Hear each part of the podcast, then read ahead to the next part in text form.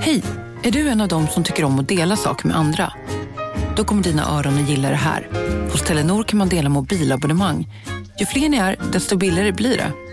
Skaffa Telenor familj med upp till sju extra användare. Välkommen till någon av Telenors butiker eller telenor.se.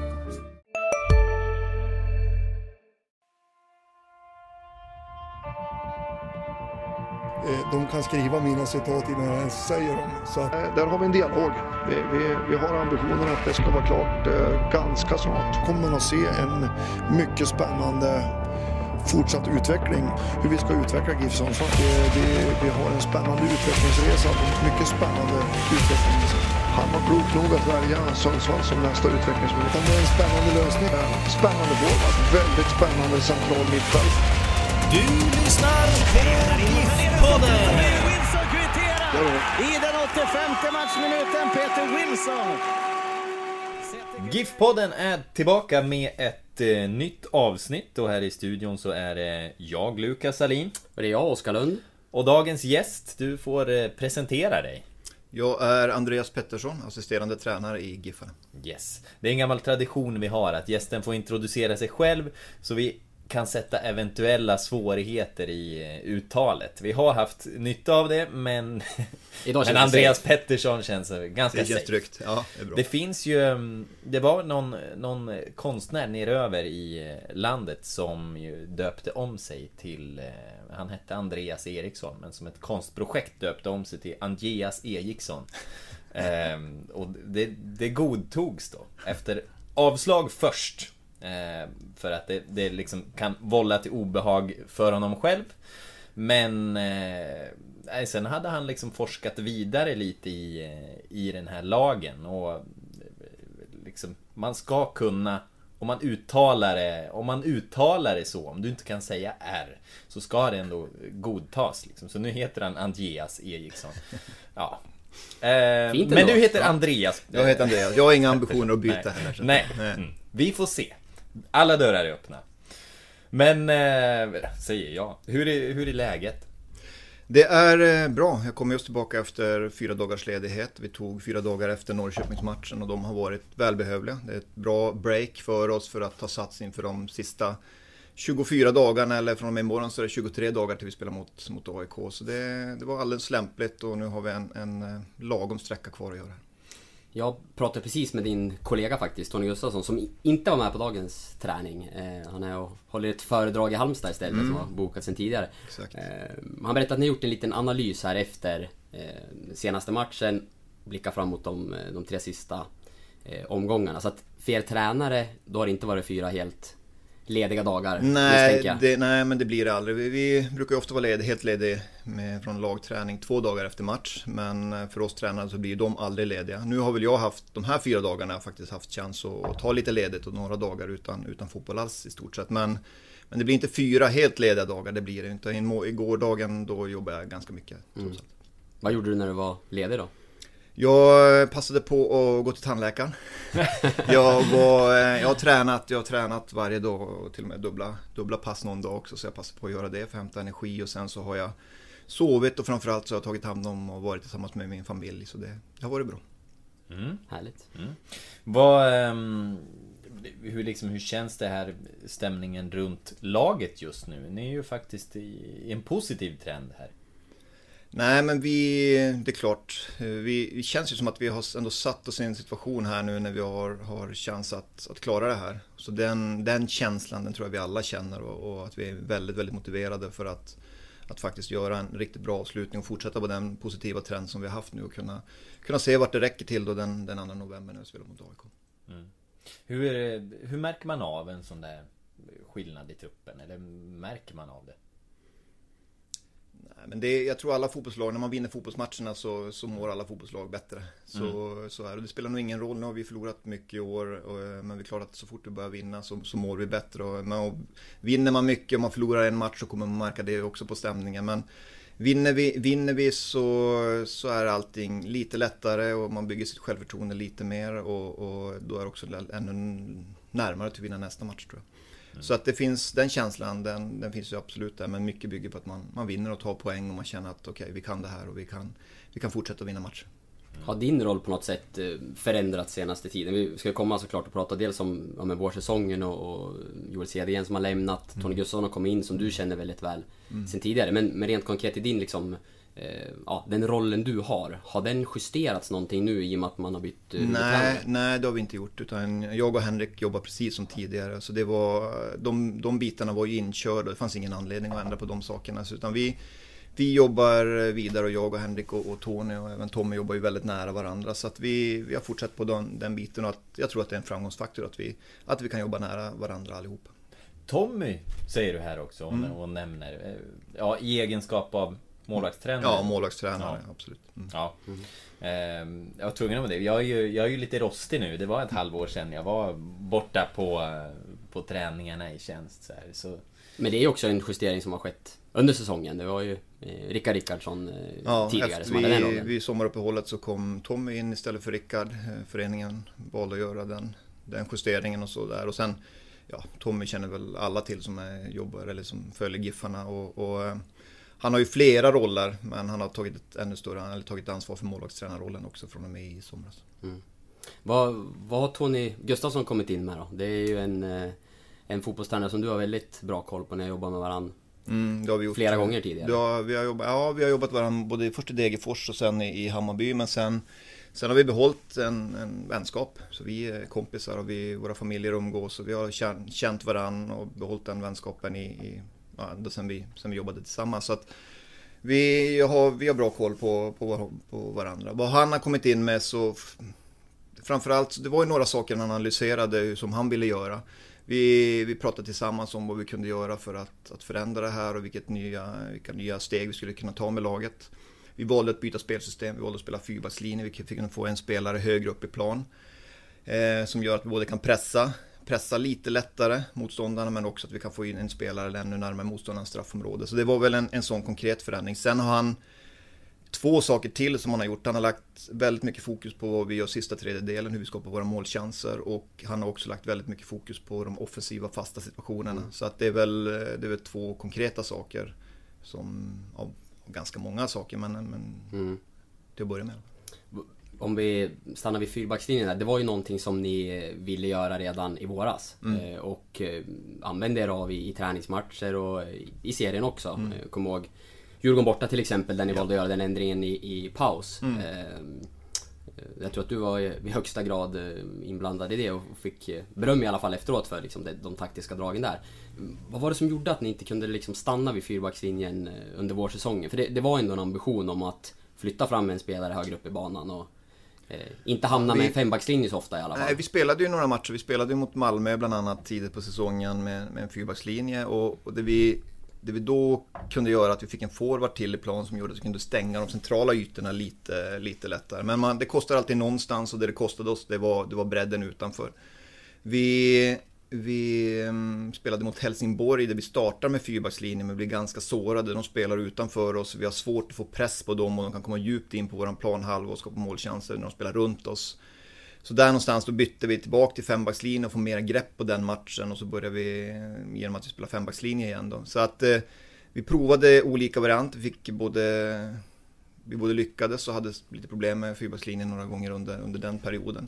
Sen kände vi att, att vi, vi fick där och då i alla fall mera, mera kontroll på matcherna med våran fembackslinje. Vi kunde spela, spelarna var, kände sig vana vid att spela den, det systemet som de spelat året innan också. Så att då, då blev det mer och mer att vi fortsatte att spela, det höll oss till det, till det systemet. Så det, det passade oss bättre där och då, vår analys. Mm. Nu hamnar vi ju lite här i, i liksom våren där och där det började eh, lite knackigt. Så jag tänker ändå att eh, försäsongen skulle man vilja eh, titta på och, och slå ner i. Hur, hur tyckte ni den var liksom? Hur, hur väl förberedda kom ni in i allting? För eh, min bild var ju, det, det var många som var lite halvskadade, nu hade Batanero var sen in, mm. mm. Hallenius fick ju tidigt problem, det var Ed Ari fick Nej men jag, jag tycker, du, har, jag tycker du har rätt i det. Vi, vi jobbade på under försäsongen och vi successivt så satte sig ju truppen i alla fall, men vi hade en del skadeproblem. Mm. Eh, i, som gjorde att vi inte fick in spelare i träning i den tid vi hade önskat och, och ville ha. vi reste väldigt mycket på försäsongen. Vi hade en del matcher där vi kom sent till matchen och sådär. Så det var, det var lite struligt. Det var några matcher som snöade bort. Mm, ja. eh, vi, hade, vi skulle åka till vårt genrep. Eh, när vi skulle åka till Trondheim så, så hade vi planerat att åka dagen innan för att kunna sova i Trondheim, vilket vi annars inte hade gjort. Det blev samma dag. Vi blir fastsnöade på gränsen mellan Sverige och Norge. Så det, var, det, var, det var väl en försäsong där vi också inte hade Svenska Cupen. Vi hade ingen tävlingsmatch utan det var en ganska lång försäsong med, med bara träningsmatcher och mycket bortamatcher. Så att det, det är många faktorer som gör att vi fick liksom, kämpa under försäsongen. Mm. Kämpa för att, för att få ihop det. Sen som, som sagt var, vi successivt så vi jobbade på. Vi tog vecka för vecka och, och, och så. Så att vi, vi kände väl ändå att vi, vi var förberedda när serien startade. Men, men det var inte den försäsong som bara flöt på som, som man kanske skulle önska och vill. Det var inte. För jag, jag tänker liksom när man kommer in i säsongen och man, man drabbas av det här. Det är, det är kanske lite skador, det är lite sånt kändes som det var. Eh, mycket sånt i, i början och det här med att liksom veva igång eh, det stora flygplanet mm. Batanero till mm. exempel. Mm. Eh, det tog tid för honom, mm. tycker jag. Men, men, men jag tänker, är det, är det för du berättar ju att ni, så här, ni bollade lite med fyrbackslinjer, lite med eh, systemet, man, man provade vissa grejer. Eh, jag tänker, är, är det lätt att hamna i det? Alltså ni hade ju ett koncept som funkade ganska bra sen innan, men är det lätt att hamna i det här att man eh, när det blir lite knackigt, prova andra vägar? Liksom, nej, hur det, du runt det nej men det var inte därför vi provade, utan mm. vi provade ett, en fyrbackslinje. Vi hade den ambitionen för att kunna bli bättre. För att mm. kunna vara mer taktiskt flexibla och spela, spela liksom på ett sätt som, som skulle passa oss bättre utifrån hur motståndarna valde att spela. Som jag sa mot Malmö när vi valde att spela vår fyrbackslinje så, så ville vi ha två forwards för att kunna stänga, stänga ytan framför våra innermittfältare. Ta bort den centrala ytan och inte låta Malmö spela där så enkelt. Kan vi ha två forwards i den ytan så, så innebär det att deras spelvändningar kommer att ta längre tid. Istället för att de kan spela bara framför vårt innermittfält så kan de ofta behöva vända igenom sin backlinje och vi hinner flytta vårt lag. Vi får det blir lättare för oss att läsa möjligheter att pressa motståndarna. Vi köper oss lite mer tid i försvarsspelet. Men som jag sa också med fyrbackslinjen så vi tappar lite av bredd. Så kan mm. de spela dem då snabbt utanför oss så har de chans att kunna komma, kunna komma djupt in på våran planhalva. Men utanför oss istället för att de kan dominera de centrala ytorna. Så att det var det var, hade ingenting att göra med att vi, att vi sökte eller var vilsna på något sätt. Utan det hade att göra med att vi kände att vi, vi kan bli ännu bättre som lag genom att ha fler taktiska redskap och vara mer flexibla som lag genom att spela både en fyrbackslinje och en fembackslinje och kunna ta den mittbacken då som, vi, som det kostar oss när vi ska spela en fyrbackslinje och använda den spelaren högre upp i plan. Och i början av året så var det ofta som en så kallad tia, som en forward då, som vi, som vi hade ambitionen att göra. Det för att till exempel mot lag som spelade fembackslinje kunna, när de, när de använder redan sina mittbackar för att kliva upp mot våran forwards eller mot våra mittfältare. Då kan vi använda den extra spelaren för att istället löpa in bakom motståndarnas backlinje. Så det var, det var sådana idéer som vi, som vi hade för att kunna bli bättre. Mm. Utvecklas. Nu, nu är det under pågående säsong och du blickar säkert mer mm. framåt än bakåt. Men, mm. men om du skulle titta på vårsången, din analys. Vad skulle du önska att ni hade gjort annorlunda nu med, med facit i hand? Um, det finns saker och ting i, i vårsäsongen som var det vi ville. Alltså just i vårt passningsspel och vi kunde kontrollera matcherna. Men sen så, så kan vi säga, det var några saker där. Dels så släppte vi in väldigt mycket mål på fasta situationer. Det, det blev jobbigt att vi hamnade i underläge på matcherna tack vare fasta situationer. Så det, det var någonting, det tycker jag vi har kommit till rätta med nu, men det var ett, ett stort problem för oss. Vi, vi tappade bollen så vi åkte på kontringar. Det var det andra stora problemet, hur vi släppte in mål. Så de två sakerna skulle man väl kanske önska att vi kunnat komma till rätta med lite tidigare. Vi hade sett båda problemen under, under försäsongen. Vi hade sett båda problemen under försäsongen men, men tyvärr så, så kostade det oss mål under, under vårsäsongen också de två, de två sakerna framförallt. Och sen den tredje saken är att vi hade ju för, för svårt att skapa bra målchanser. Vi har, så det är att vårt spel i sista tredjedelen, att skapa de riktigt klara målchanserna och, och skapa flera klara målchanser, det, det var också ett problem för oss. Mm. Hur upplevde du då våren i sig? Med, alltså just med kanske trycket som blir om man förlorar matcher och, och hamnar långt ner i tabellen fast mm. det finns förväntningar på att man ska göra ja. ett bra år liksom. Ja men det där det du säger om förväntningar, för det tror jag var en sån sak som var nytt för många spelare. Man gjorde då en, en, en bra säsong med, med Giffarnas mått mätt eh, förra året, förra säsongen. Vilket gjorde att det lades, ribban lades upp och förväntningarna var betydligt högre än vad man hade upplevt tidigare. När man slog förra året så gjorde man en bra säsong och kanske till viss del också för att man var underdogs. Man slog ur underläge.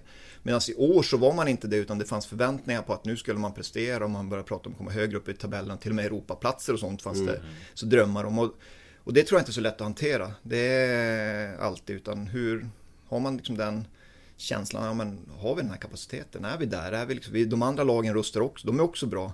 Och det är de vi ska tävla mot. Det är de, de kommer också göra allt i sin makt för att vara så bra som möjligt. Så att, det är väl en sån sak som, vi, som jag tror att man, man fick träna sig i att hantera de förväntningar som, som blev på laget och, och kanske också ibland så blev det en, en press på, på laget som man inte hade upplevt tidigare. Hur var det för din del då? Alltså personligen? Hur, jag antar att man, man var ju såklart bättre när man vinner matcher än när man förlorar dem. Ja men det, det, det gör man men Eh, jag, jag, jobbar på. Det är bara så. Jag bara jobbar på. Eh, och jag, jag, jag, distanserar mig från det där också så att jag, jag går in och, och jobbar på och sen så Jag såg någon intervju med Thomas Tuchel alldeles nyligt och det är ju det, vem, vem, vet mer om laget än vad jag och, och Joel och Henrik gjorde, i, Rickard gjorde i det fallet. Det finns ingen så att liksom, det var vända, vända blickarna inåt och sen jobba inåt och sen se till att vi tog de steg som vi kände behövde, behövde göras steg för steg och vecka för vecka och träning för träning. Som, det, var, det var det enda sättet att hantera den. Så vi, vi jobbade på och sen så försökte vi styra, styra inriktningen på det vi ville göra utifrån daglig basis och veckobasis lätt att man kanske jobbar eh, ja, väldigt många timmar tänker jag med en sån period. Jag läste Offside senaste numret ja. så har man en del där man ja, tittar på den allsvenska tränarrollen ja. och, och, att det går egentligen att jobba hur mycket som helst. Mm. Eh, vad blir effekten när det går tungt? Blir det mer jobb då? Eller hur, hur, hanterar man det rent liksom det... arbetsbelastningsmässigt? jag skulle säga, man, jag, jag jobbar alltid mycket. Så det, det är mera så. Men det är klart att, att man behöver kanske, man blir för att verkligen vrida och vända på varenda sten så finns väl den risken att man, man letar liksom under alla stenar också. Av den anledningen så jobbar man ännu mer. Eh, och så. Det, ibland så är det bra, för ibland så hittar du någonting under den där stenen och så kan du använda det och så kan du, kan du bygga vidare på de sakerna. Och, och ibland så kanske det blir att man tappar energi som man behöver ge på något annat, något annat område. Så risken är väl kanske det. Jag upplevde inte det under själv. Jag, jag kände mig liksom inte på det sättet sliten att jag kände att jag upplevde att det gick ut över mitt jobb. Det gjorde det inte. Men, men absolut så jobbar man mycket. Men jag är ganska van att jobba mycket också. Så att det, det var inget, inget personligt problem, det var det inte. Men, eh, men som du säger, den där, den, jag såg också, eller Henrik visade mig den artikeln som var i Offside. Och jag var i England för ett och ett halvt år sedan på St. George's Park som är deras Bosön fast ännu mycket, mycket större. Deras fotbollsförbund sitter där och landslagen tränar där. Och då hade de en artikel i sin eh, managertidning där som handlar just om det där hur man kan hantera sin energinivå och, som, som tränare. Och det är en, en viktig faktor att hitta någon form av balans mellan att jobbet som man ska göra och sen träning och, och vila och återhämtning för sin egen del. Så att man, man har den energi så att det ska räcka under, under 11 långa månader i en säsong. Hur gör man det då? Hur, hur gör du det? Ja, det är så försöker jag renodla mitt liv. Jag har, mm. jag satsar, jag har min familj som alltid nummer ett och som jag vill ta hand om. Men sen så jobbar jag. Sen jag har inte så mycket mycket mer. Sen en, försöker jag, det, generellt så är jag ganska bra på det, men jag försöker vara noga med min egen träning också. Hur jag, hur jag äter och, och, och sover och så. Jag, jag sover bra om nätterna och jag försöker äta så bra som möjligt men, men jag har ja, Sen avgränsar jag mig därifrån. Jag har fotbollen och familjen som är, som är mina stora delar i livet och det, då, kan, då hinner man med. Då hinner man med. Jag har läst mig till att du hade ytterligare ett F i livet tidigare i form av fiske. Men det är ja, rätt ja, men det är, de, det är de prioriteringarna ja. man gör. Då tar man bort det F i, i form av fiske. Han sa ju här eh, att, han äter bra, så du äter ja. väl förmodligen en massa fisk istället? Ja, ja, ja, men det försöker jag göra. Det försöker jag göra. Så att, eh, nej men eh, tyvärr så hinner jag inte med att fiska någonting. Eller jag har till stor del för att jag liksom blev fotbollstränare på den här nivån men också för att man har fått familjen. Så att eh, det, jag hade ett väldigt stort fiskeintresse men det det har jag fått lägga på is. Mm. Ja. ja, tråkigt. Men ehm, Ja, och eh, hur, hur, trivs du då? Hur har du trivts i Sundsvall sen du, sen du kom hit? Är det någonting du saknar? Du bodde ju i Luleå tidigare. Nej, jag trivs ja. jättebra. Jag trivs jättebra. Jag, det är väl alltid sådär. Jag gick från att vara, jag var landslagstränare i sex år. Och sen eh, funderar man liksom på vart, vart är mitt nästa steg och jag hade en del möjligheter att gå tillbaka till klubblagsfotbollen under de där åren i landslaget. Men till slut så kände jag, okej okay, nu, nu, sex år var nog och jag ville, jag ville bli klubblagstränare igen och vara, vara i den dagliga verksamheten, träna varje dag och spela matcher på helgen och sådär. Och då, så Sundsvall blev, blev alternativet för mig och, och, jag har inte ångrat det på något sätt. Även om vi haft en kämpesäsong så har jag inte, alltså jag, jag, jag trivs jättebra att få klubblagstränare igen och jobba med det här på, på daglig basis och göra nya erfarenheter och, och utvecklas ännu mer som tränare. Känslan var ju att du var ganska het där när, när Sundsvall plockade dig. Hur, hur het var du? Nu kan inte du få beskriva här med, med lite distans? Ja, det, det är så länge, nu är det ett år sedan. Men, eh, men det, fanns, det fanns flera allsvenska klubbar som jag hade kontakt med och som jag pratade med. Så att eh, det fanns det. Och sen så fanns det väl några andra projekt eller jobb också som, som hade kunnat bli. Men, men, eh, nej, men det Allt inom var, Sverige? Eh, nej, det var, allt var inte inom Sverige. Det fanns något nordiskt alternativ och sådär också. Det fanns det. Men det är som jag säger, det är ett år sedan så jag har mm. nästan, nästan glömt bort allting nu. Men det fanns, det fanns ett, ett gäng olika alternativ. Men eh, det är inte bara jag som flyttar. Jag har ju tre barn och en, en fru också. Så att, plus att eh, det alternativ som, som var Sundsvall rent sportsligt var, var väldigt, väldigt lockande. Så mm. sammantaget så blev det här det bästa alternativet för oss. Mm. Och du, det berättade ju du tidigt om att eh, Joel och, och, filosofin som han hade jobbat in i klubben, det var ju mm. verkligen eh, liksom eh, bokbål. Här skriver man om vad, mm. vad klubben ska stå för och har gått från, eh, från mm. det här stor och stark till eh, liten och teknisk. Mm. Ehm, det pratade du väldigt, eh, väldigt tidigt om. Hur, hur, var det att få kliva in då och, och liksom samarbeta med Joel? Nej, det var, det var väldigt bra. Det som för mig var lite ovant, det var att jag kommer ju liksom till redan befintlig kultur. Mm. Saker och ting fanns ju redan på plats och var ju redan uppbyggda och för mig så handlade det mer om hur ska jag anpassa mig in i det här. Så att eh, den perioden fanns väl i början där att på något sätt hitta, jag hade ju aldrig jobbat med Joel. Jag kände Joel, jag kände Henrik ännu bättre innan dess. Så på det sättet hitta sin, sin roll i det hela och framförallt i min roll som assisterande tränare också framförallt anpassa mig och, och inte bara anpassa men även vad ska jag bidra med. Vad kommer jag hit för och vad har jag för egenskaper och kapacitet som jag ska bidra med. Så den, det var väl en stund i början där man funderar på det och man försöker liksom hitta ett sätt att eh, hur, ska vi, hur ska vi jobba på allra, allra bästa sätt tillsammans. Men, eh, men sen så, vi, om man säger så här, det är klart att saker och ting görs ju på, på olika sätt för man har liksom, det är olika personer och det är olika på detaljnivå men, men den grundläggande filosofin om hur man ska spela fotboll, vad vi vill göra i anfallsspel och försvarsspel och alla de sakerna det var ju väldigt, väldigt mycket det jag själv har stått för under de år som jag varit i landslaget och från början liksom när jag började som tränare både inom Hammarby och Degerfors. Så att den grundläggande filosofin den fanns där på plats men sen är det alltid detaljer i, i den filosofin som man måste anpassa sig till och som man måste lära sig och som man måste ta till sig.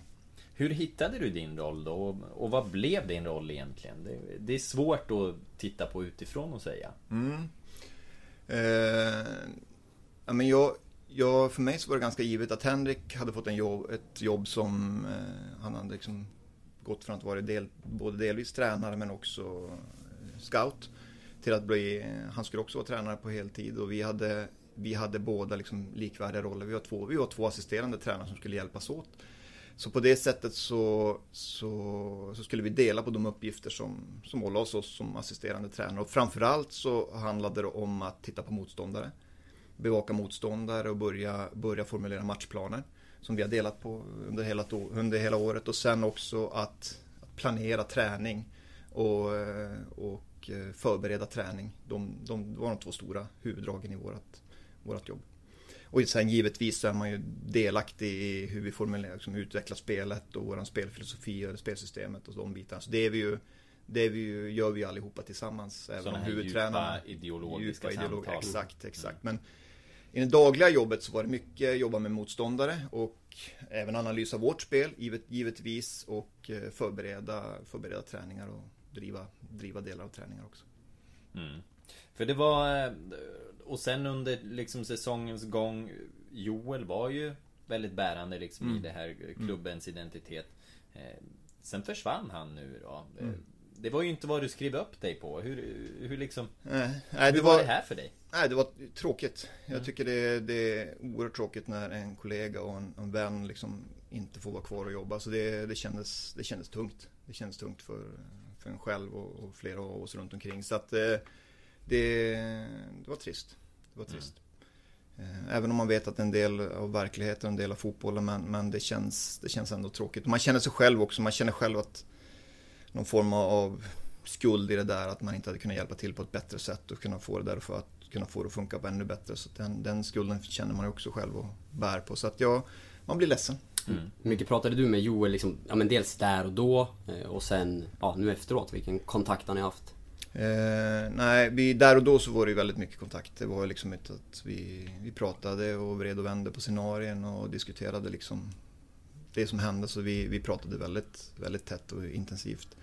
Efteråt så har jag, vi har haft en del sms-kontakt och sådär. Jag pratar med honom efter också. också jag bara kollar hur han mår och, och stämmer av och sådär. Sen, sen är, så att, eh, jag ska inte säga att vi har daglig kontakt, det har vi inte. Men vi har absolut kontakt efter, efter det som har hänt.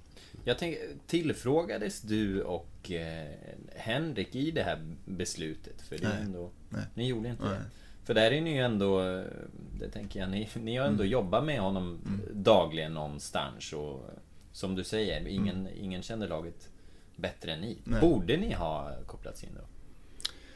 Ja, alltså, om jag säger så här, eh, det är ingen som har frågat oss. Om jag säger så här, det skulle vara en... Om någon skulle ställa den frågan om Joels vara eller icke vara som huvudtränare så skulle det ju, det skulle ju kännas jättefel. Varför kommer det till mig? Alltså, Ja. Så det är, vi, vi är ett team och vi jobbar tillsammans och, och vi kör på.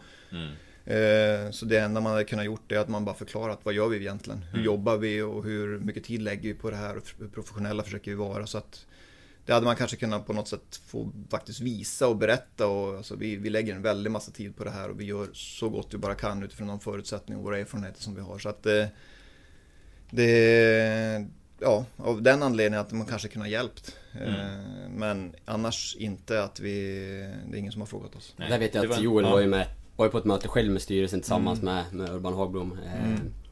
Där de, eh, ja där han fick berätta hur ni jobbade och Mm. liksom eh, Mm. från sitt perspektiv då så. eh, Det var väl kanske den analysen eller den researchen som gjordes från, från eh, styrelsehåll. Eh, Men att det blev Tony sen då, hur reagerade du när du fick veta det? Ja, Det kände, ja, För var det mig, någonting positivt ur ditt perspektiv när det väl ska bytas för, huvudtränare? mig så var det, för mig så var det en blixt från en klar himmel. Det var det. Sen tycker jag, eller det var inte... Med jag- Joel eller Tony? Med Tony. Med Ja. Tony. Eh, med, för att det var... Sen förstår jag att man spekulerade i Tony. Det var ganska nära till hands att, eh, att, att eh, ge han en fråga då. Med den koppling han har till Sundsvall och han var ledig som tränare och sådär. Så att jag är inte... Jag är inte förvånad på det sättet utan jag, jag förstår liksom att man ger frågan till honom. Men att när det väl skedde så var det en, en total överraskning för mig. Men där borde man väl ha pratat med dig? Du har jobbat med honom, du är liksom, vem ska du samarbeta med? Tänk om du inte tyckte om honom? Nej, men det kanske man visste. Kanske man visste att... Men, eh, nej, men man gjorde inte det heller. Nej. Han var ju trots allt och hälsade på här eh, Ja, redan ja. under vintern när, Ja. när du fanns på plats. Ja. Eh, Jo, för sig. Det finns någon bild på någon liten kram där, tror jag.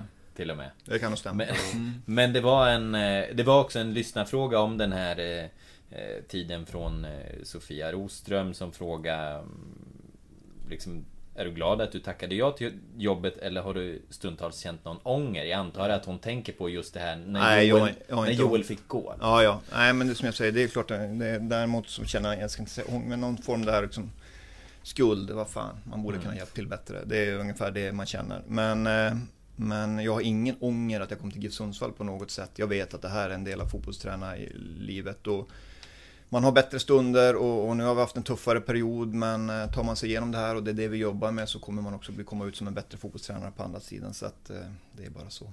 Vad känner du inför avslutningen då? Det är Nej, tre jag, matcher kvar nu. Jag är väldigt hoppfull. Jag är väldigt hoppfull. Jag tycker vi har, känts starka, starka på slutet. Det är klart vi, vi kanske inte var så starka när vi tappade till 4-4 mot, mot Norrköping. Men det var många saker i den matchen då som visade på styrka hos oss, tycker jag. Så att eh, det är klart det kommer att vara spänt. Det kommer att vara väldigt, det kommer att vara väldigt spänt för det står mycket, mycket på spel. Men eh, jag tycker med det vi har gjort och det vi har visat och, och så, så är jag ändå väldigt hoppfull inför avslutningen. Ni har ju ni har ju justerat en del eh, taktiskt, eh, så du var inne på att ni gjorde ändringar och spelade med fyrbackslinje. Mm. Samtidigt så har ni varit ganska flexibla eh, i det i de Ja. här matcherna. Om man ser Yes. senast så droppade en sån som ner som Mm. en tredje mittback till exempel i försvarsspelet. Och, Eh, ja, någon gång har ni lyft upp eh, Paconate eh, liksom från en vänsterbacksposition och det har mer blivit en trebackslinje och så här. Eh, ni har gamblat vet jag inte om man säger, men ni har justerat en hel del. Liksom. Kan du berätta lite hur ni har tänkt där? Ja, men det har vi gjort. Och vi, vi har väl känt att eh, framförallt i vissa matcher när vi möter ett så pass starkt lag som Norrköping så måste vi försöka använda alla de fördelar som vi har. Och då hade vi tittat väldigt intensivt och visste precis hur, hur Norrköping spelar och vad de, vad de önskar att göra. Och då kände vi efter väldigt, väldigt mycket övervägande och vridande och vändande. Där la vi ner oerhört mycket tid på, på, eh, på att analysera liksom hur vi ska spela. Vi hade flera olika scenarios. Och då kände vi att det här sättet att, att spela, där kan vi nog dels stoppa Norrköping som vi visste att de var väldigt starka när de spelade in bollen mellan våran backlinje och mittfält och kunna kombinera där. Vi kan bli en ytterligare en inneback där som vi kan liksom få ytterligare en spelare, en kropp där som vi kan kan stoppa deras kombinationsspel centralt. Eh, vi kan stoppa deras wingbacks genom att det vi gjorde är ju att vi, vi speglade deras system. Vi speglade deras system så vi kunde stoppa deras wingback och få press på dem på kanterna lite tidigare med genom att vi också spelade 5-4-1 eller 3-4-3 med med wingbacks i vårt försvarsspel. Medan att vi samtidigt då, då ville skapa ett numerärt överläge mot dem, mot deras två enda inne mittfältare. Vi, i och med att vi har spelat det där systemet själva så vet vi vilka ytor som är sårbara. Så vi, vi hade koll på de ytorna och, och försökte sätta bollen i de ytorna så mycket som möjligt. Så att det var, det var en match där vi kände att här behöver vi vara lite taktiskt smarta, taktiskt flexibla för att de har varit så pass bra. De hade ju en streak där på 10 matcher där de knappt hade förlorat. Eller... Ett, ett mål. Ett insläppt mål. Alltså att vi kände liksom, här måste vi verkligen, verkligen börja göra våran läxa för att kunna, kunna matcha de här då. Så att vi, vi la ner väldigt mycket tid på det och, och just den här matchen så, så var vi väl för att kunna vara taktiskt flexibla. Mm. Sen är det inte säkert att vi kommer att göra det på samma sätt. Det finns, den var lite unik just den här matchen. Nu har vi två andra typer av matcher som vi väntar oss som är AFC nu och, och Helsingborg. Och jag tror inte liksom att vi kommer att kanske vrida på spelet lika mycket i de matcherna med beroende på, på motståndarna. För, för, ja, det ser lite lurigt Där vet man kanske inte riktigt vad, vad som väntar heller. Nej, vi har inte riktigt klar. Henrik jobbar med den analysen av, av AFC nu här, så den är ju inte riktigt klar. Men det lilla jag har sett av dem så har jag sett att de spelar flera olika system. De spelade senast med, med två forwards. De spelar väldigt mycket markering i sitt sätt att spela. Så de, de springer och jagar spelare och, och, det har sina fördelar och sina nackdelar. Och framförallt den svårigheten är kanske att man inte är så van att spela mot lag som markerar väldigt mycket. Välkomna sommaren med att... Res med Stena Line i sommar och gör det mesta av din semester. Ta bilen till Danmark, Tyskland, Lettland, Polen och resten av Europa. Se alla våra destinationer och boka nu på stenaline.se. Välkommen ombord! Hej, Synoptik här. Så här års är det extra viktigt att du skyddar dina ögon mot solens skadliga strålar. Därför får du just nu 50% på ett par solglasögon i din styrka när du köper glasögon hos oss på Synoptik. Boka tid och läs mer på synoptik.se. Välkommen! Och det, så det kommer vara lite andra problem som vi ställts för inför, inför den matchen. Mm. Mm. Vi har ju diskuterat det lite mm, här och ja, på kontoret också. Men att eh, ett mönster vi har iakttagit tidigare är liksom att det har varit väldigt sena byten och sådär. Det där som känns som det har förändrats lite de här senaste matcherna. Eh, håller du med om det?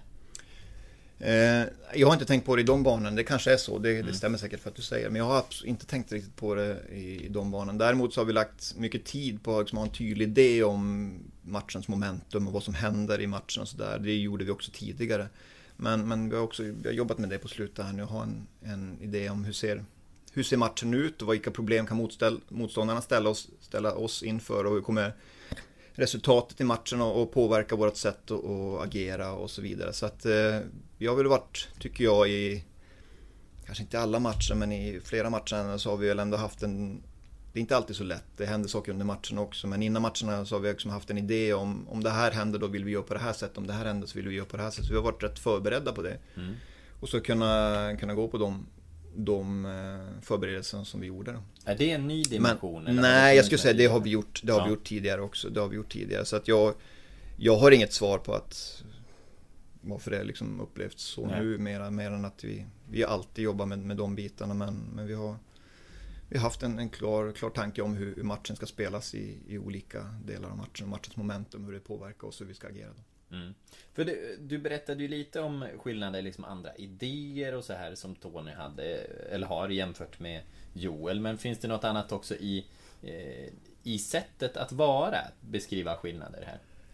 Men det, ja, sättet att vara tycker jag väl fram, det är ju, man är två olika människor. Mm. Tony har, har sina erfarenheter och kommer från, har sin bakgrund och, och, så vidare. Han har ju varit många, många år i USA i landslaget där, så han är ju väldigt duktig på, på engelska, bra på att uttrycka sig exempelvis. Det är också en, han har en inneboende energi i sig som, eh, som man gärna delar med sig och smittar av och pratar på snabbt och sådana saker. Så att, och, och, Joel har sina erfarenheter och sin bakgrund och så, så det är ju, i och med att man är olika personer så, så kommer det, det väl märks väl i, i ledarskapet. Vad ska jag säga, sen är det, det är väl detaljer, det är ju små, allt små saker från att liksom som, man, som Tony vill att det ska funka och vi kallar våra avbytare nu är liksom inte några avbytare eller ersättare. Utan de är för, för oss är de game changers. Mm. De, är, de, kan förändra matcher och de måste förstå att de är väldigt, väldigt viktiga och har varit väldigt viktiga. Det ser man ju i de matcher vi har spelat också. Så en, en sån grej han kommer in med som han vill införa, tycker jag fått ett bra, bra effekt på det. Eh, Därför ni byter tidigare. vi, kan säga, vi, vi, gjorde, vi har gjort någon mm. sorts eh, sammanställning under våren i alla fall på att ni gjorde få mm. byten då. Då låg ni långt ner i, mm. alltså sett till hur många spelare man hade använt mm. jämfört med andra allsvenska lag. Mm. Nu har vi inte tagit fram någon färsk statistik men Nej. jag tror att ni har använt eh, tre byten i flera av de matcherna. Okay. Eh, det var två i någon också sådär, men eh, aldrig under inte under två byten tror jag i någon av matcherna hittills. Ah, en annan, så det var det fler, det, det, en, det annan, fast. Eh, en annan faktor där är ju att vi har ju under sista delen här nu, vi har haft de flesta spelare tillgängliga. Vi har haft de flesta spelare tillgängliga och det ger oss också en större bredd i att kunna spela matchen taktiskt. Mm. Alltså vi har finns fler, eh, fler olika spelartyper tillgängliga som kan hjälpa oss i matchen beroende på hur matchen ser ut. Så den, den delen tror jag kanske också hjälper oss att byta lite tidigare och, och, och så. Så det kan, det kan nog vara en, en del av svaret på frågan.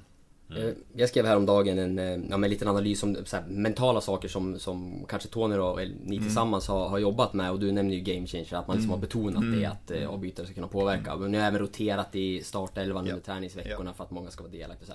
Hur mycket tror du att, om vi bortser från system och den typen av eh, liksom, från er tränare och titta mer på me mm. mentala aspekterna. Eh, hur mycket tror det har betytt? Det ja, men Tony har varit väldigt tydlig med det. Han har väl sagt, och det har han säkert stått här inne också och sagt tidigare, liksom att det är inte taktik som kommer att rädda det här kontraktet utan det är mycket av, av vårt hjärta och vår inställning som kommer att göra dem. Sen är inte det det kommer inte räcka med bara det heller utan vi behöver någon form av balans men det måste finnas rätt attityd och rätt inställning och, och en stor portion hjärta i vårt sätt att och träna och spela och så. Så att det, det har ju varit väldigt tydligt. Man har ju betonat det. Så det, det har ju han eh, stått för från, från dag ett. Att det måste finnas med. Mm. Märks det att han kommer från det amerikanska? Ja, det gör ja. det. Det gör det. det, Nej, men, ja. det är hans just som sagt han är, det är en han jätteledande är, fråga. Han är, han är bra på eh, jag tror dels hans personlighet så som jag känner om den Jag vet inte, nu generaliserar mm. vi liksom men, ja, men det, Den ligger nog ganska nära till hans en amerikansk personlighet mm. många gånger Han är ju en, en säljare och han liksom en Känns som en, en företagsmänniska i, i, liksom, i, sin personlighet. Så att, eh, men sen också, han, har ju bott i, han var i USA tidigare, men sen också med åren i USA har ju verkligen vässat hans, hans språk. Eh, så det är klart att den, han, han är duktig på det och kunna träffa, träffa rätt med, med engelskan då, som liksom rätta, rätta begreppen, rätta orden. Sen ska ju mottagaren också vara, förstå vad det betyder och så, men, men han, har, han har lätt för att uttrycka sig där. Så ja, det är en fördel när man bedriver verksamheten mycket på engelska. Mm. Vad tänker du om framtiden då sen eh, Det kommer ju en vår sen mm. Du och Henrik har fortsatt kontrakt väl båda två va? Eh, eh Henriks kontrakt tror jag faktiskt går ut Ja, Henriks mm. går ut Men vad, mm. vad, tänk, mm. vad tänker du då? Vad, hur skulle du vilja att tränarkonstellationen eh, ser ut? Vill du ha kvar Tony nu eller tror du han kommer gå vidare eller? Ja, och vad ja, önskar du dig? Det är. Jag, eh, jag, tycker att, jag tycker det skulle vara jättekul om Tony var kvar och jobbade. Mm. Det måste jag säga. Jag, så att eh, det, det, tycker jag. Sen tror jag inte att det är så längt. Han har en familj i Stockholm och sådär. Så att det, det, måste han svara själv på. Och jag tror här och nu så är inte hans fokus någonstans längre än till 2 november mot AIK. Och eh, egentligen är väl inte mitt fokus där heller utan nu, nu ska vi jobba på, nu ska vi se till att rädda det här kontraktet som vi har och, Eh, och sen, sen är det tid för analys och, och framtidstankar där också. Det är klart att vissa saker kan vi inte bara lägga oss ner, vi funderar på hur vi ska träna på efter säsongen och Vissa saker sker ju liksom i klubben och man blir inblandad i det också för att, att fundera på den kommande våren. Träningsmatcher är en sån sak. När ska vi börja träna? Hur ska det se ut? När ska vi vara lediga? November eller december? Vi kommer att träna i november, vi kommer att vara lediga i i december istället. Och hur ska vi lägga upp den perioden på året? Så det är den planeringen, den, den pågår ju. Men, eh, men vad det gäller tränarfrågan så eh, jag tycker Tony, det han har gjort här och nu så har han gjort ett väldigt, väldigt bra jobb. Och av den anledningen skulle det kännas roligt om man kunde vara kvar. Jag tror det vore bra om man kunde vara kvar. Mm. Mm. Ja, det, det, det, där blir ju spännande att se. Vad, mm. vad tror du om, om du ska göra någon snabb, eh, snabb analys? Eller jag tänker tanken måste ju ändå ha tänkts. Vad skulle komplettera dig och Henrik? Om det nu är ni som, som fortsätter. Eh, men det, det, oh, det, där är en stor fråga. Eh, men om jag börjar med att på något sätt koka ner det där så är det ju Dels så är det ju en, en först och främst en föreningsfilosofi. Mm. Det är många bitar där. Hur ska, hur ska föreningen, hur, vill, hur ska föreningen spela sin fotboll? Hur vill man att föreningen ska organiseras? Hur ska föreningen skötas? Och, eh, det är liksom nummer ett. Börja där. Och utifrån det välja en, en tränare som kan, kan, eh, kan ge det föreningen vill ha. Den filosofi som föreningen vill, vill stå för och jobba efter. Så där, det är det första. Det är det första man måste göra. Liksom. Titta på, på de bitarna. Ehm, och eh, det arbetet det pågår ju förstås. Det jobbar föreningen med att, att ta fram liksom, hur, hur kommer en trupp se ut till nästa år? Hur vill vi bygga den truppen? Vad vill vi ha för egenskaper? Vad vill vi ha ha karaktär på den truppen? Och sen så måste man också då parallellt kunna liksom hitta en tränare som kan förvalta den truppen på, på bästa sätt. Som har den, den profilen för att kunna spela den fotbollen som föreningen vill att, att den här truppen ska spela. Då. En del, ja. ja men en del i det där är ju egna talanger också, mm, producera egna exakt, spelare Vilket exakt. kommer vara en nyckel för GIF Sundsvall framöver exakt. Och det har liksom ordförande Hans Selling pratat ja, om också att ja. vi måste få fram mm. fler egna spelare mm. Ekonomiskt mm. Eh, är det inte minst en, en viktig del liksom. Mm. Hur, har du, du har jobbat liksom med de bästa talangerna inom svensk fotboll mm. Eh, Även om de har varit uppe på en U21 nivå mm. liksom. Men mm. som förening, vad, vad, tycker du att man kan och bör göra? Hur ska man tänka för att liksom kunna eh, få fram fler egna spelare ja. i en klubb som GIF Sundsvall? Eh, nej men jag, i en klubb som GIF Sundsvall så tycker jag att det är avgörande att man klarar det det med den ekonomi och de resurser som finns till hands så behöver vi vara, vara bra på det. Så att jag tycker definitivt man ska satsa på våran, våran egna akademi. Sen, precis som du säger, jag vet att steget att gå från att vara en, en lovande juniorspelare till att bli en allsvensk spelare och förhoppningsvis en spelare som kan växa till och med ur allsvenskan. Det är, det är ett stort steg det är ett stort steg. Så man måste ha en, en, tydlig plan för hur man kan hjälpa de här spelarna att successivt slussas in, successivt ge dem erfarenheterna, successivt utbilda de här för att vara redo för att ta det där steget. Och ett steg är att bland titta på truppbygget. Titta på hur truppen ser ut så att man vet att det finns, eh, finns liksom plats och möjlighet för de här spelarna att få sina chanser, få sina möjligheter att spela. Så att, för det finns inget annat sätt. De måste få sina Dels att, att, eh, att, träna i en bra miljö men, men det räcker inte. De måste också kunna spela i en, en bra miljö på det sättet. Successivt växa in att bli, bli de spelare som, som färgar en allsvensk, allsvensk förening. Hur tycker du ni har varit på det den här säsongen? Eh, jag ska inte säga att vi har varit speciellt bra på det. det, utan det och jag tror väl också en del att vi känner att vi har, liksom, vi har, vi har gått så pass tungt för oss. Så har det, liksom det blivit att vi har vi har försökt, som det är nästa match hela tiden, nästa match i åtanke och det har funnits ett mindre, mindre fokus på det långsiktiga utvecklingsarbetet och det tror jag nog tyvärr att eh, det har kanske, en av de sakerna som får lida då är möjligheten att spela de yngre spelarna. Är det här något ni har, förlåt nu har jag brutit jag. Alltså, är det här någonting ni liksom har pratat om och, och eh, diskuterat? Um, sinsemellan? Nej men det finns ju alltid med, dels har vi ju ett bra samarbete med vår akademisida. Det, vi har tycker, det är inte så att vi kanske, vi, vi, det finns ju klart att vi, vi pratar om våra spelare som är i truppen och hur kan vi hjälpa dem till bästa möjliga utveckling och vi ser att får man inte chansen att spela och vi ser, det, det är klart det, det är tufft för ens utveckling om man är ung lovande spelare som man inte fått chansen att spela. Hur kan vi ge dem match, matchminuter och det, det är helt och hållet avgörande.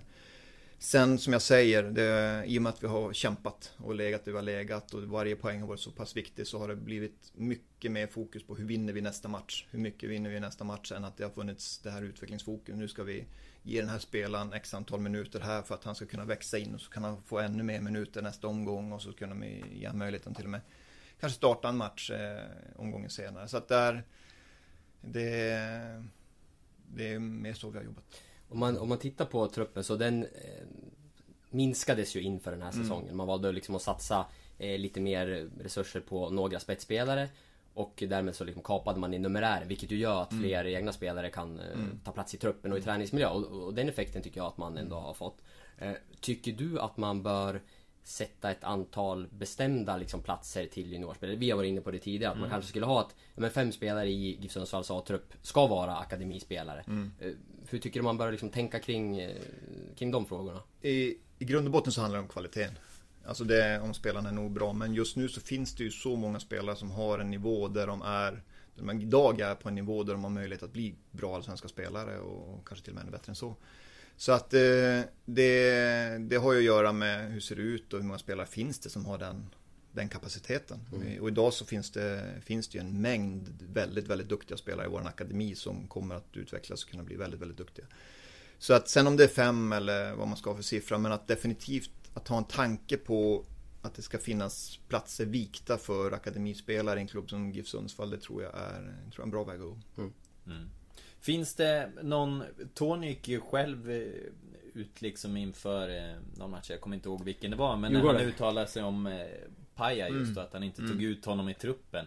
Mm. Eh, har det funnits mer tillfällen när du har känt Fan liksom att vi får välja bort den här Den här killen den här Ja, gången men Paja är ett sånt bra. exempel. Paja är Mm. ett sånt exempel där vi På grund av att vi hade en mindre trupp så var han ju ofta med oss i truppen Men han fick inte så mycket speltid och det gjorde att han kunde inte spela Han spelade inte heller i juniorlaget eh, Och, och eh, när man bara tränar utan att spela matcher så är det svårt att hålla uppe sin nivå Fullt naturligt, helt normalt, helt normalt Och då kände vi där någonstans under sommaren att till exempel en sån som Paja som har en som kapacitet som han har. Han, vi måste ge honom möjlighet att spela matcher. Och sen eh, fick han den möjligheten. Han spelade en hel del juniormatcher.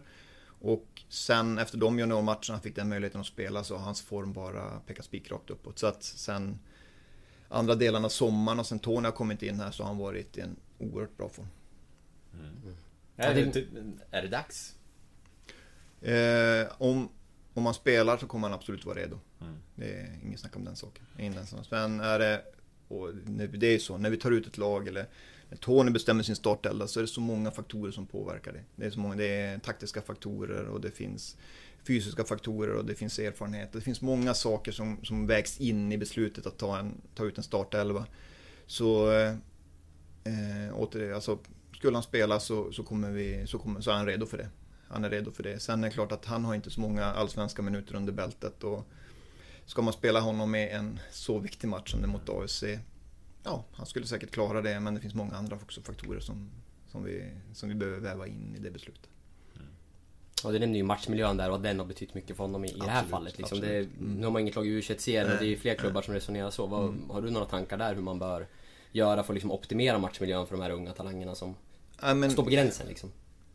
Ja, eller jag, jag ska inte säga att jag har några klara tankar eller klara idéer, alltså precis hur man ska göra. Men jag, jag, jag tycker att man behöver, match, man behöver en bra matchmiljö. Man behöver det där steget mellan, kanske mellan juniorfotbollen och en allsvensk, allsvenska matcher. Eh, och vad då det är, vi, många av juniormatcherna är ju på en väldigt bra nivå. Eh, och, och, men det kan också vara många, tror kan, många kan nog behöva någon, något mellansteg innan man tar det sista steget för att bli allsvensk fotbollsspelare. Om då det är en U21-serie, sen vet jag problemet med U21-serien där man oftast har bra lag hemma och sämre lag på bortaplan och det blir ojämna matcher.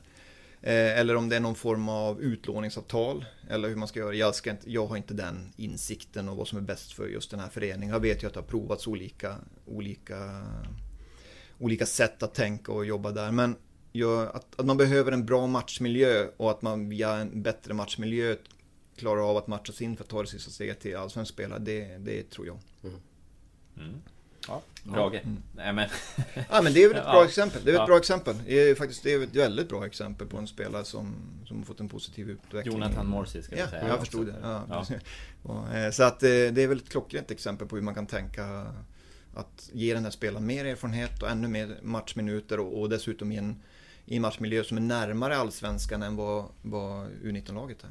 Får se om man kommer tillbaka. De har en utköpsklausul där. Mm. Eh, Så att eh, där sitter inte Giffarna på beslutet.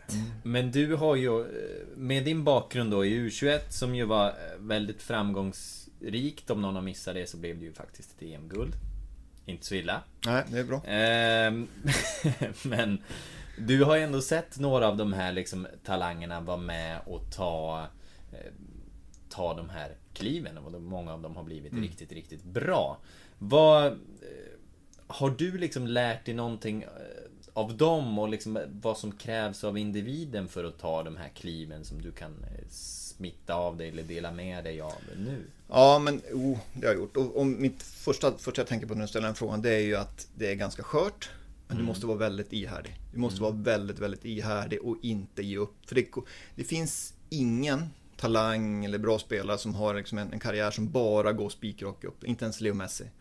Alltså det, det kommer att vara perioder där det går ner, det kommer att vara platåer där du står still, det kommer att vara perioder där du tycker att du jobbar på och ingenting händer.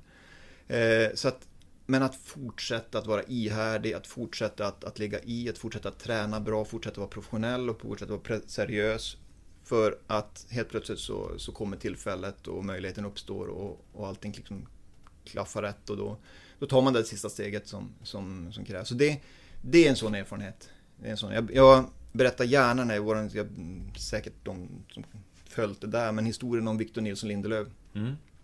Där han, han var en spelare, när vi kvalade till EM-slutspelet, när vi vann 2015, så var det en spelare som var ofta med oss i truppen. Han, eh, han eh, spelade nästan ingenting alls med oss. Han var ofta med i truppen och vi hade tyvärr varit tvungna att sätta två spelare på läktaren. Så ibland var han till och med på läktaren, fick inte ens vara ombytt i matchtruppen i, i kvalet fram till, till EM 2015. Eh, när vi skulle ta ut truppen så hade Viktor hade bidragit på många sätt för han var en väldigt fantastisk person och väldigt professionell och så att han bidrog på många sätt i träningsmiljön och runt omkring laget men han bidrog inte så mycket på, på matchplanen när vi spelade match. Ehm, så när vi skulle ta ut EM-truppen så satt vi och vred och vände på det där. Hur ska vi, de här olika egenskaperna som vi behöver i en EM-trupp under en lång, lång trupp, hur, hur, ska de, hur ska vi göra och vad ska vi välja? Och det slutade med att vi faktiskt eh, sa att vi, vi, vi väljer Simon Gustafsson istället för Viktor i den EM-truppen. Så att eh, då eh, vi valde det där mot varandra. Och Viktor blev självklart besviken. Som han fick veta att han, han skulle inte få följa med. Han hade sett fram emot det. Han hade planerat sin, eh, planerat sin liksom, sommar utifrån att vara, åka med till Tjeckien och vara med på EM där. Och så, så att, eh, men han, han tog det på ett, ett professionellt sätt. Men det är klart, det är full förståelse. Man blir besviken. Vi samlas inför EM. Vi har först ett läger i Trelleborg. Sen har vi några dagar i Stockholm. Och just precis innan vi ska åka iväg till Tjeckien så får vi veta att Emil Kraft har fått en, en skada i ryggen där. Det som gör att han kommer inte kunna vara med i, i EM. Han hade fått liksom en kotförskjutning som det var, inte, det var inte möjligt för honom att åka med. Och naturligt för oss då var att ringa våran reserv där och det var ju Viktor. Han hade fått frågan om att vara redo och, och ja, han är redo. Så han kommer in direkt eh, till EM-truppen och visar på inget sätt ingen besvikelse över eh, att han hade varit borta. Utan han kommer in på en gång och, och bara, bara bidrar och är den spelare som och personlighet som han, han hade varit hittills. Vi spelar första matchen mot eh, Italien där vi, där vi får efter 35 minuter får Alexander Milosevic utvisad. Ett fel pass och så blir det en kontring och sen så kommer han fel i tacklingen där så vi får utvisning mot oss och så gör de 1-0 på den straff som, som följer på utvisningen också. Minns Så vi. vi, så vi ligger under där med 1-0 och vi hade förberett en plan för vi skulle liksom bara reda ut den första halvleken och vad vi sen skulle göra också om vi låg under. Vi spelade med en man mindre och vi, vi låg under i, i halvtid. Så vi sätter den planen i verket. Vi tar Josef Baff och flyttar honom från höger ytterbackspositionen, sätter in honom centralt. Och vem är det vi går till? Ja, det är Victor Nilsson Lindelöf så vi plockar in från bänken. Han spelar ytterback. Vi vänder den där, vänder den där första matchen i, i, mot Italien. Vi vinner den med 2-1. Eh, Victor spelar, gör det jättebra. Vi spelar andra matchen mot eh, England. Vi förlorar den, men han spelar där också, gör det jättebra. Han spelar tredje matchen mot Portugal, gör det också, fortsätter att spela ytterback och, och gör det väldigt bra. Han spelar matchen mot Danmark, jättebra. Han spelar matchen givetvis för en final som vi spelar mot, mot Portugal. Han gör mål på en av straffarna. Han blir vald till turneringens bästa höger ytterback.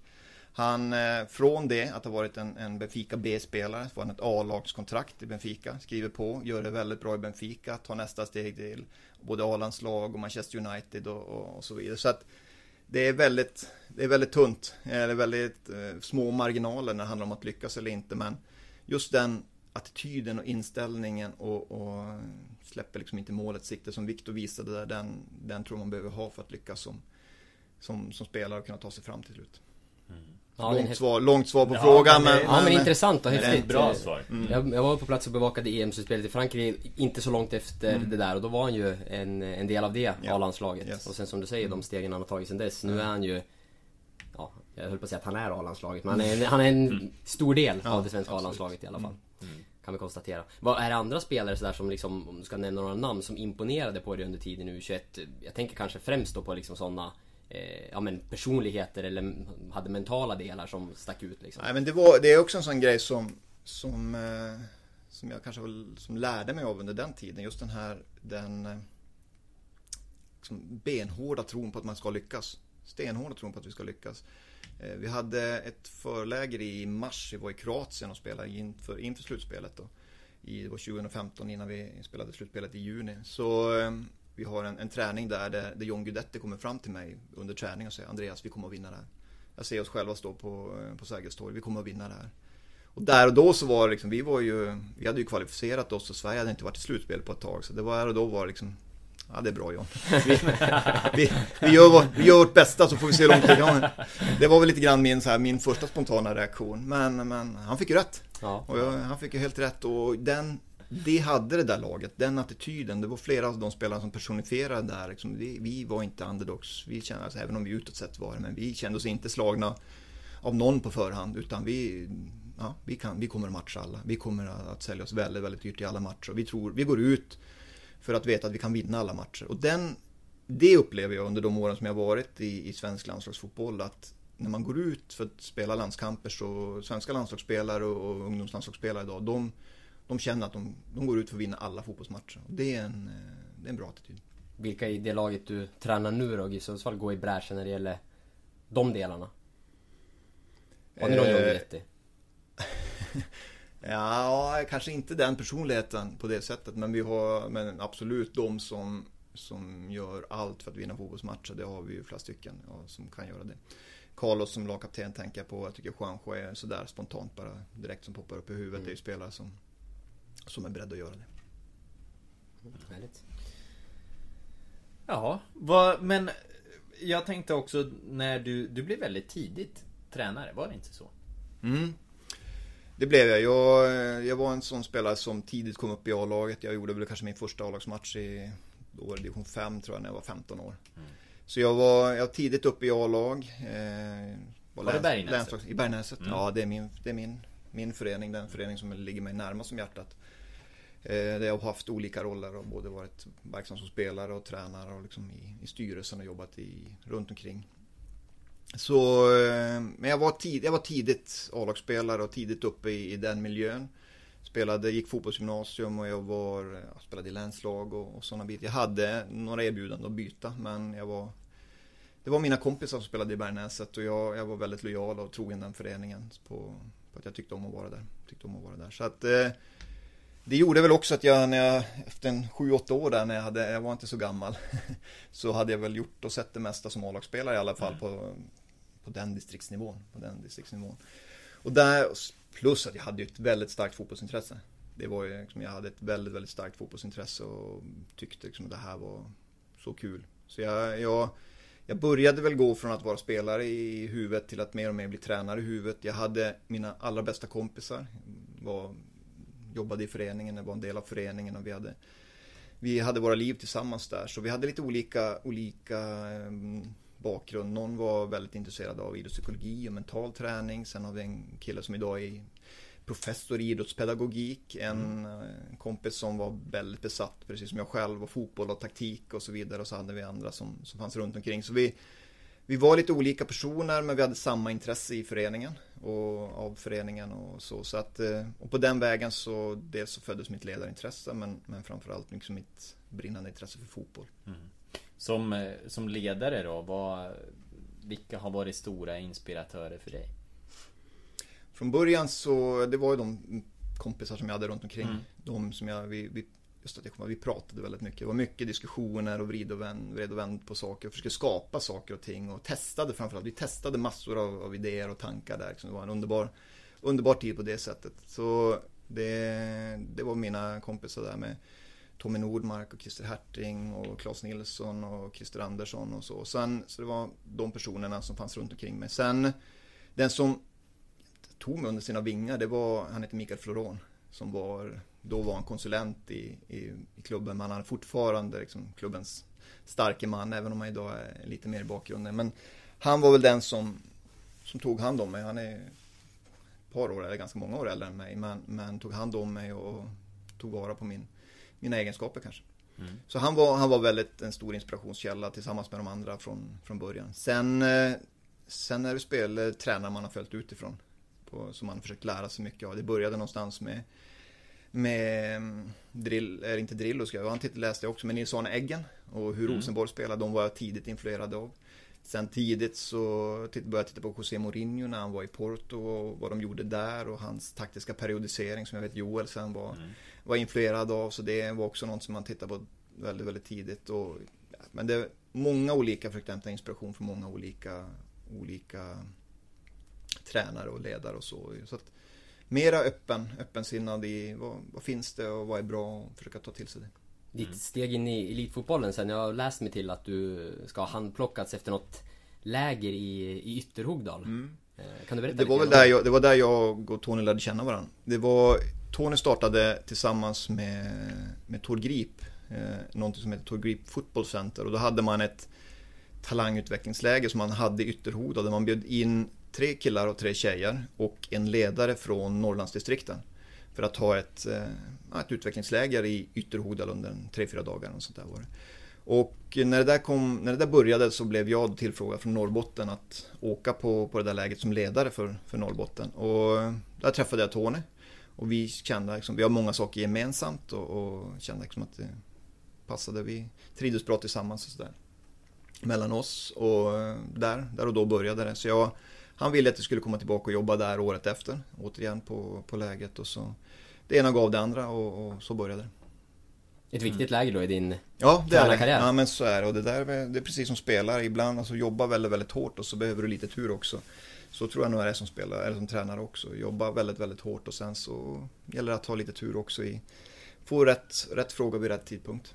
Mm. Var det han som hörde av sig och nu drar vi till Degerfors? Eller ja, men så, så var det. Mm. Tony hade varit tränad där ett år.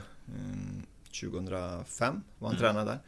Och han eh, skulle ha, han behövde en till assisterande tränare där och han frågade om jag ville komma eh, dit och vara assisterande tränare. Och eh, jag kände att, eh, då var jag i Luleå, jag kände att det här är en toppenchans för mig. Mm. Så vi flyttade dit eh, för, med, med familjen och jobbade tillsammans med Tony där borta. Och du sa, är Peter Samuelsson kvar? I så fall kommer jag. ja, han var ju kvar då. Han, var ju, eh, han måste ju vara hundra år i rad. Ja, jag tror för, eh, det, och, det, Nej, men han var där. Men jag tror, han spelade inte första året hos oss. Eh, men han, han var ju med på träningar och sådär. Så det var, mm. det var ja, bra huvudspelare. Ja, Degerfors, häftigt. Jag kommer ihåg, han, han känns som att han har mött Giffan här mm. hur många gånger som helst. Mm.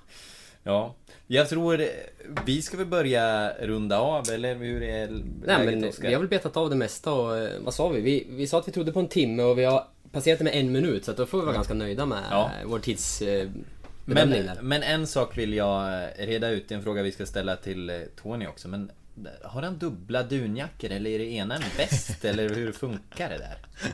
Eh, ja, jag, jag har inte tänkt på det.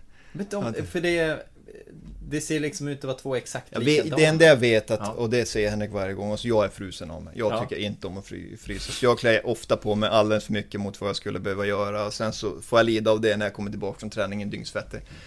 Eh, så att, eh, och Tony är också frusen person, så att han, eh, jag vet inte, men någonting dubbelt är det väl i alla fall. Ja, Ja, det konstaterar vi. Det fortsätter bli ett, eh, ett mysterium. Ja.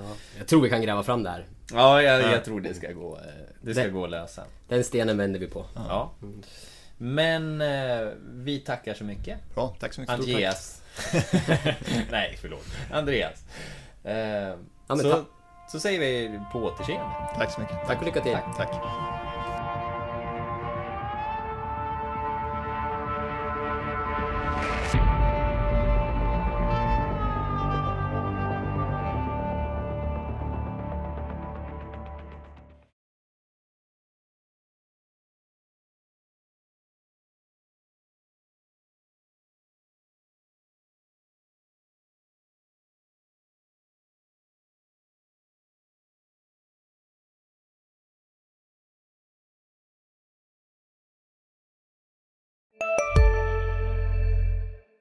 Var du än är och vad du än gör så kan din dag alldeles strax bli lite hetare.